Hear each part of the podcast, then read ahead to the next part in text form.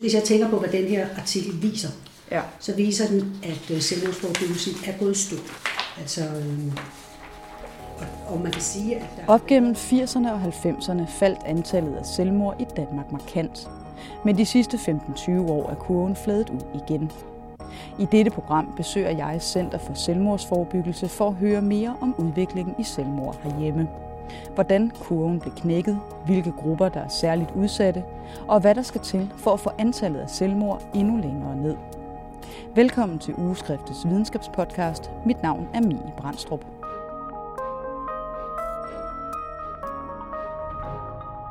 Altså, sådan en figur her kunne vi jo godt have hvert år. Ja. Og sige, hvordan så det ud, hvad for en metode har været anvendt på Ja. det, det, det tidspunkt. Ja, og det er ikke ret svært at lave det. Fordi det opgiver man stadigvæk i dødsårsagsregisteret. Ja, jeg hedder Merete Nordentoft, jeg er professor i psykiatri, og vi er på mit kontor på Psykiatercenter København. Danish Research Institute for Suicide Prevention er en del af forskningsenheden på Psykiatercenter København. Så det er, det er her, vi er. Man kan se, at der skete noget vigtigt fra øh, 80 til 90, der skete noget vigtigt fra 90 til 99, og derefter er det meget lidt, der er sket. De ting, der har været, det er små fluktuationer, og de er Nordentoft har været med til at lave en såkaldt Joint Point Regression-analyse, der for nylig blev offentliggjort i Danish Medical Journal. Den viser udviklingen i antallet af selvmord herhjemme, men også detaljer omkring alder, køn og selvmordsmetoder. Der har været en meget dramatisk udvikling. Altså i 1980 var Danmark Øh, blandt de lande, som øh, indrapporterede øh, selvmordsdata overhovedet, der var Danmark det land i verden, der havde næst flest selvmord. Og vi havde 1600 selvmord i 1980, og det er jo faldet ganske dramatisk ned til cirka 600, som det har ligget på nu i knap 20 år. Og det udviklede sig især i, i, den sidste halvdel af, af sidste århundrede, og det var primært på grund af nogle øh, store indsatser for at øh, mindske adgangen til farlige metoder, eller øh, indsatser, som de facto øh, mindskede adgang til farlige metoder. Det var det, der havde ansvaret for det store fald, vi så. Men det vi har gjort øh, i artiklen, det er, at vi har kigget på øh, øh selvmordsraterne år for år, og så har vi brugt noget statistik, der hedder Joint Point Regression, hvor man lader øh, statistikken selv finde de øh, ændringer, øh, der har været i, i den, de tal, man kigger på. Og det man kan se der, det er jo, at der har været et meget signifikant fald fra 80 til 89, og igen et meget signifikant fald fra 89 til 99, og derefter er der faktisk ikke nogen signifikante fald. Øh, så det, det er faktisk det hovedresultat, vi har. Man kan sige, at vi kendte godt kurvene på forhånd, men vi havde ikke udsat dem for den her mere avancerede form for statistik. Og hvordan er det helt præcis, den øh, metode fungerer, som I har brugt til at, at, at lave den statistik, som, øh, som nu er udkommet? Det er en øh, statistisk metode, som øh, selv finder øh, mønstrene. Altså hvor ellers ville man måske sige, nu kigger vi på, hvordan er det gået fra 80 til 89. Men det er metoden, eller det er øh, analysen, der selv finder frem til, at det er på det her tidspunkt, at øh, der sker et skift i kurven. Så, så øh, analysemetoden finder datadrevet, kan man sige, frem til, hvornår er det, der er sket nogle ændringer. Den har så fundet øh, øh, nogle signifikante ændringer, og også nogle ændringer, der er store nok til, at man vil registrere det som en ændring, men, men øh, de er ikke signifikante.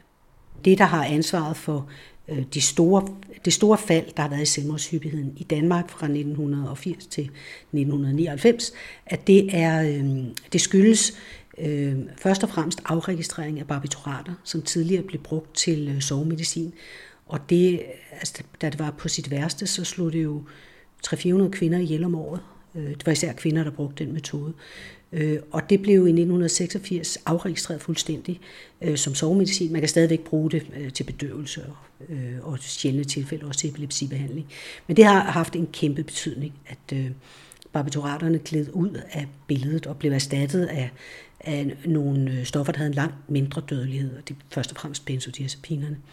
Men det kan vi se, og så kan vi se, at øh, husholdningsgassen, som også tilbage i tiden har haft en meget større betydning for selvmordshyppigheden, at det er øh, forsvundet. Der er faktisk altså nu slet ikke nogen, der dør ved forgiftning med husholdningsgas. Og det er jo både fordi, at øh, carbonmonoxid, kolilte, er taget ud af husholdningsgassen. Det er det blevet øh, gradvist, øh, men det er også på grund af øh, bedre udviklede øh, installationer, sådan at øh, gaskomfurer de øh, slukker af sig selv, hvis ikke øh, hvis ikke der bliver sat ild til, øh, så, så det her brændende gas. Så, så man kan ikke udsætte sig selv for udstrømmende øh, gas, som man kunne i de gamle øh, gaskomfurer. Et tredje eksempel er, de, øh, er biludstødningsgas, som der også har været en ganske betydelig dødelighed fra. Øh, men det er jo øh, aftagende i kraft af øh, kravet om, at der skal være katalysatorer. Og det er jo et miljømæssigt krav. Der skal være katalysatorer på alle biler. Det krav har gjort sig gældende siden 1990. Og det, det betyder, at udstødningsgassen simpelthen er mindre giftig.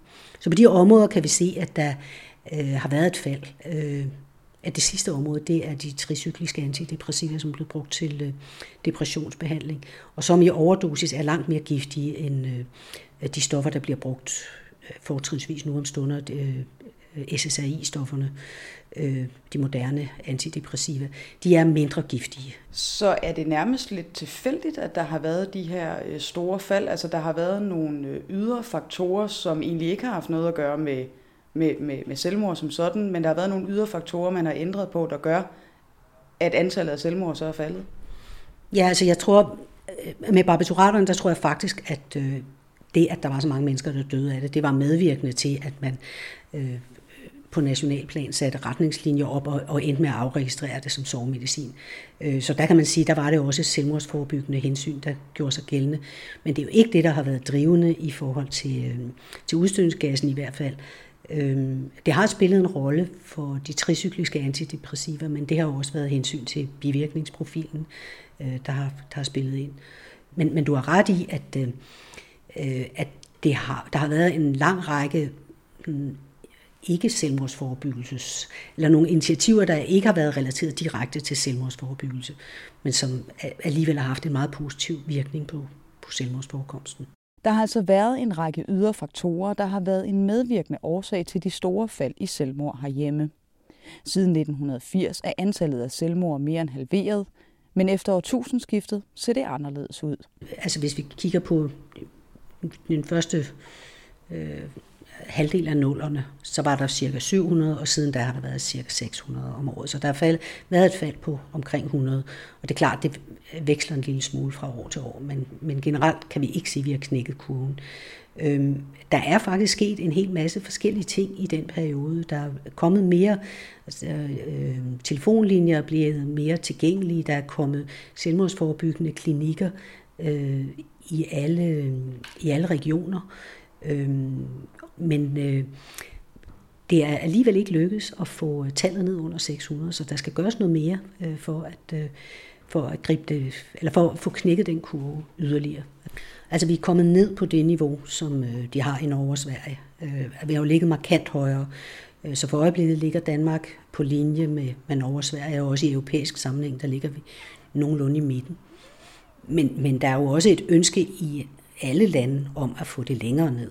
Øh, så, så jeg vil sige, selvom vi nu ikke adskiller os på en meget uhyggelig måde fra, fra de lande, vi plejer at sammenligne os med, så er der ikke nogen grund til at, at slappe af eller hvile på laverbærene, for der er stadigvæk meget, man skal gøre. Og hvis antallet af selvmord skal endnu længere ned, så er det først og fremmest forebyggelse blandt de forskellige risikogrupper, der skal være fokus på. Hvem er de udsatte i den her sammenhæng?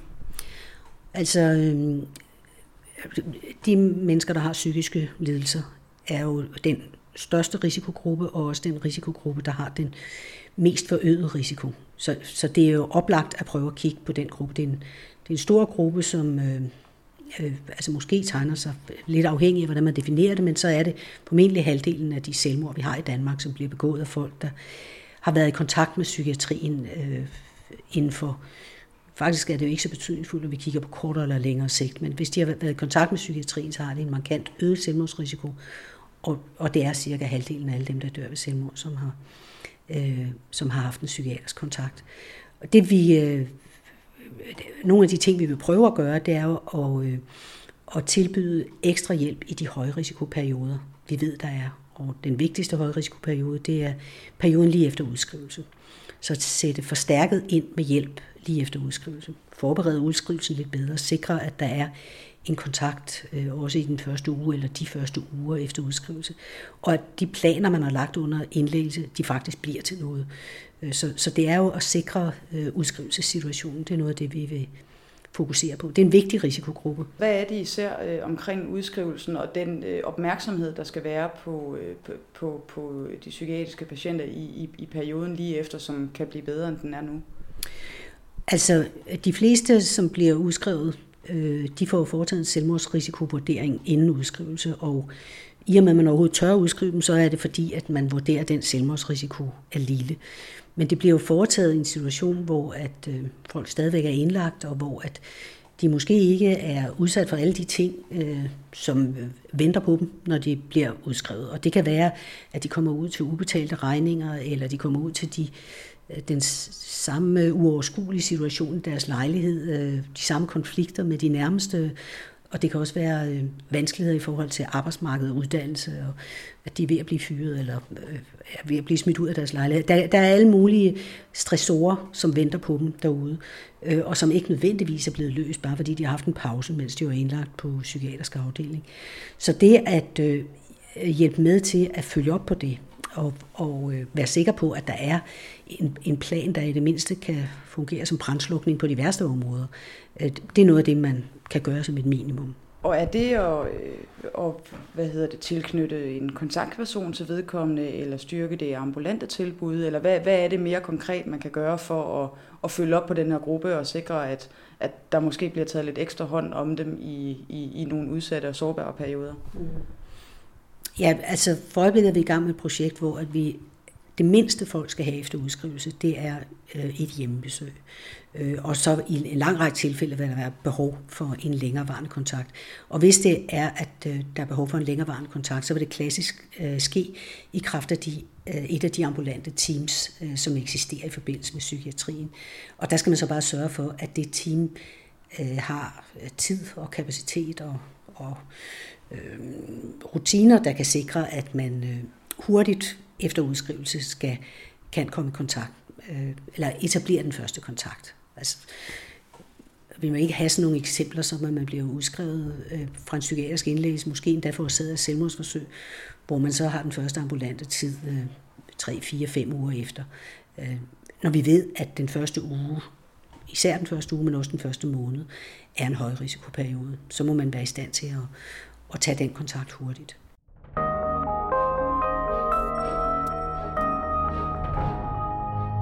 En vigtig gruppe, synes jeg, er de, der har fået diagnostiseret en alvorlig lidelse. Det gælder både neurologiske lidelser, cancerlidelser og en lang række andre lidelser.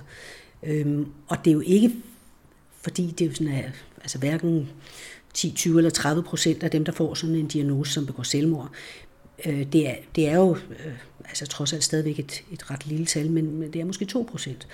Og, og de repræsenterer jo toppen af et isbjerg i forhold til, øh, hvor mange det er, for hvem det er en alvorlig oplevelse at få stillet en, øh, en øh, alvorlig somatisk diagnose. Så det at have et fokus på, øh, ikke kun på at sikre den somatiske behandling, men også at være klar over, hvordan folk reagerer psykisk på den situation, hvor det er blevet opdaget, at de fejler noget meget alvorligt. Og en af de ting, jeg hæftede mig ved, da jeg læste artiklen igennem, det er, at ikke kun ældre mennesker, men faktisk personer over 80 år, øh, også er særligt udsatte. Ja. Ved man, hvad årsagen er til det? Ej, der ved man, at øh, øh, psykisk sygdom faktisk spiller en mindre rolle. I hvert fald diagnostiseret psykisk sygdom. Øh, fysiske sygdomme og ensomhed og tab af nærstående øh, øh, spiller en rolle. Øh, og og øh, ja, fysiske sygdomme, og der er affødt øh, mindre mulighed for øh, selvstændigt liv og handlemuligheder. Så, øh, det er nogle af de faktorer, man kender.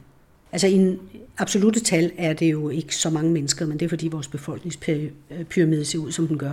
Men hvis man kigger på raterne, så er det øh, ældre mænd, øh, der har den højeste selvmordsrate, og jo ældre, jo værre. Og, og mændene markant mere end kvinderne. Så, så det, altså det er jo det, som tallene viser os. Øhm, og ja, der er jo også en del, der bruger øh, voldsomme metoder i de aldersgrupper. Og hvis vi så i, i forhold til, til de her forskellige grupper slutter af med at, øh, at kigge på de unge, hvordan har udviklingen været der?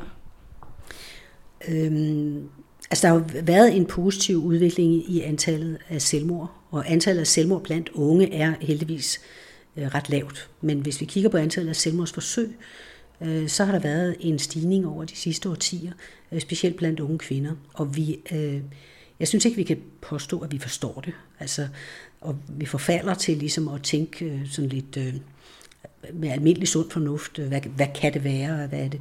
Men det føles med, en, øh, med stigende rapporter om, øh, om mistrivsel, som vi kan se i for eksempel i skolebørnsundersøgelserne.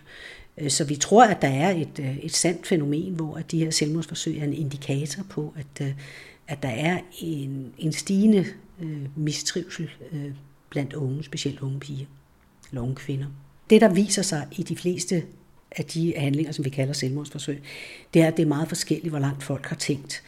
Øh, og det dominerende, det er at de har tænkt, at de kan ikke holde det ud mere. At de ønsker, hvis man skulle sammenfatte det, at man ønsker at slippe væk fra en ubærlig situation. Det, det er det, som, øh, hvis man ligesom skulle sammenfatte, hvad er det, de alle sammen siger. De siger, de, de, kunne ikke, øh, de ønsker at slippe væk fra en ubærlig situation. Om det så var ved at dø, eller måske kun blive bevidstløs. Men, men i hvert fald, det her kan ikke blive ved. Altså, så flugtmotivet er, er alt dominerende. Øhm, og man kan sige, at grunden til, at der, der er jo meget forskellige overlevelsesrate for selvmordsforsøg blandt unge og gamle. Øhm, og det er ligesom blevet tolket som, at de unge de mener det nok ikke, eller de prøver bare på at tiltrække sig opmærksomhed. Og sådan tror jeg ikke, man kan tænke om det. Men, men øh, det er jo sådan, at... Øh, Dels kan der være forskel på metodevalg, men det er jo også sådan, at hvis der er et ungt menneske, som øh, for eksempel tager en overdosis af et eller andet stof, et eller andet medicament, så bliver det opdaget, og så bliver de bragt til hospitalet, og så i de allerfleste tilfælde, hvis man bliver bragt til hospitalet inden for ikke alt for lang tid, så er der gode muligheder for medicinsk behandling. Så jeg tror, det er den vigtigste forklaring på, hvorfor overlevelsen øh, blandt de unge, specielt de unge piger, den er meget større end blandt de ældre mænd. Man kan sagtens tænke sig en ældre mand, der har taget en overdosis af et eller andet, og der er først nogen, der opdager, når der er gået en uge, at han faktisk er bevidstløs og måske død i mellemtiden. I slut 90'erne lavede man rent faktisk en national plan for forebyggelse af selvmord og selvmordsforsøg herhjemme, men den blev lagt i skuffen igen i 2005. Hvis man nu skulle lave en ny forebyggelsesplan, hvad skulle den så indeholde? At den skulle indeholde interventioner på forskellige niveauer. Dels synes jeg faktisk, at der skal være en, øh, et offentlighedsaspekt i den, hvor man prøver på at øh, øge befolkningens kendskab til, at der findes altså fænomenet af selvmordstanker og selvmordsforsøg, og oplyse befolkningen om, hvordan de kan assistere, hvis deres nevø eller nabo øh, eller onkel har en, øh, altså ser ud som at være sådan en person, der kunne have selvmordstanker.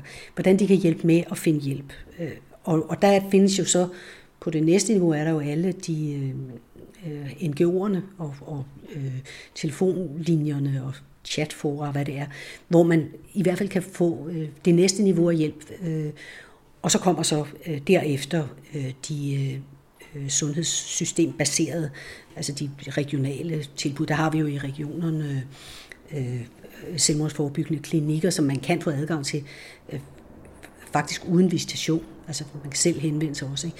Så jeg synes, man kan se for sig sådan et øh, system, hvor at det er, øh, man kaster nettet lidt bredere ud og prøver på at sikre sig, at befolkningen ved så meget som muligt, og at det er let at komme ind øh, i systemet. Det kan jo også, nu nævner jeg de selvmordsforebyggende klinikker, det kan også sagtens være, at man skal have en anden form for hjælp. Det kan være misbrugsbehandling eller, eller øh, behandling for en psykiatrisk lidelse. Så, så, så det at få, få de systemer til at virke, og så synes jeg, det med at få internettet øh, tænkt ind i det, og få øh, ikke bare befolkningen, men også alle de øh, gatekeepers, der er rundt omkring, politi, ambulance, øh, personale i de, på de somatiske afdelinger, det kan også være fængsler, øh, at, at de også får et løft med hensyn til deres viden om øh, risiko for selvmord, øh, så de kan hjælpe med til at identificere selvmordsrisiko. Og når du siger i forhold til, at man, man også skal, skal udnytte nettet, er det at lave øh, løsninger, altså ligesom man laver telemedicin og alt muligt andet, men, men, men lave løsninger omkring rådgivning for eksempel, som foregår via nettet? Ja, det bliver der i hvert fald eksperimenteret med, og der kan man se, at man når en anden målgruppe, end telefonlinjerne gør.